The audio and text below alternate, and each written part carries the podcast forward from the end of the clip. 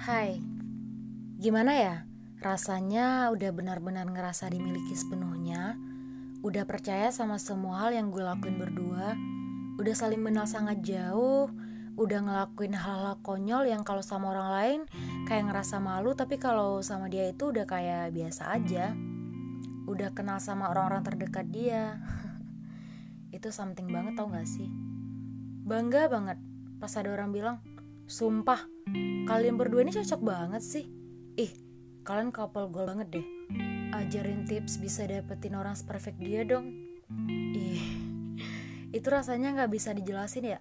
Bahagianya tuh kayak dalam banget gitu. Terus sometimes saat gue ngerasa ini orang udah jadi milik gue nih. Pada akhirnya nggak pernah ngebayangin dia tiba-tiba pergi. Benar-benar nggak pernah sekalipun mikir bakal kehilangan dia tapi kita nggak akan pernah tahu kan apa yang bakal terjadi ke depannya.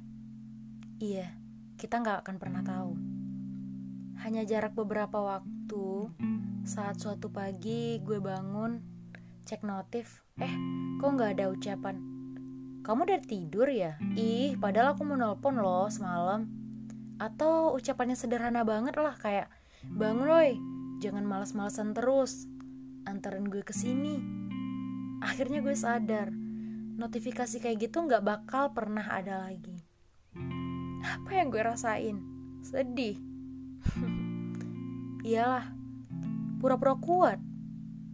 Maybe atau lebih parahnya gue mencoba cari pengganti dia secepat mungkin. Aku nggak bisa secepat itu. Ini bukan masalah. Ya elah move on dong. Orang kayak gitu nggak baik buat lu apa sih? Iya, mudah ngucapinnya. Tapi kenyataannya, hati itu yang gak bisa terbuka lagi. Kita pernah satu arah.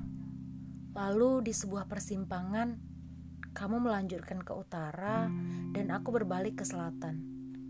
Kita tidak pernah lagi bertemu. Kutub kita sudah berbeda. Kamu, kamu ke mana?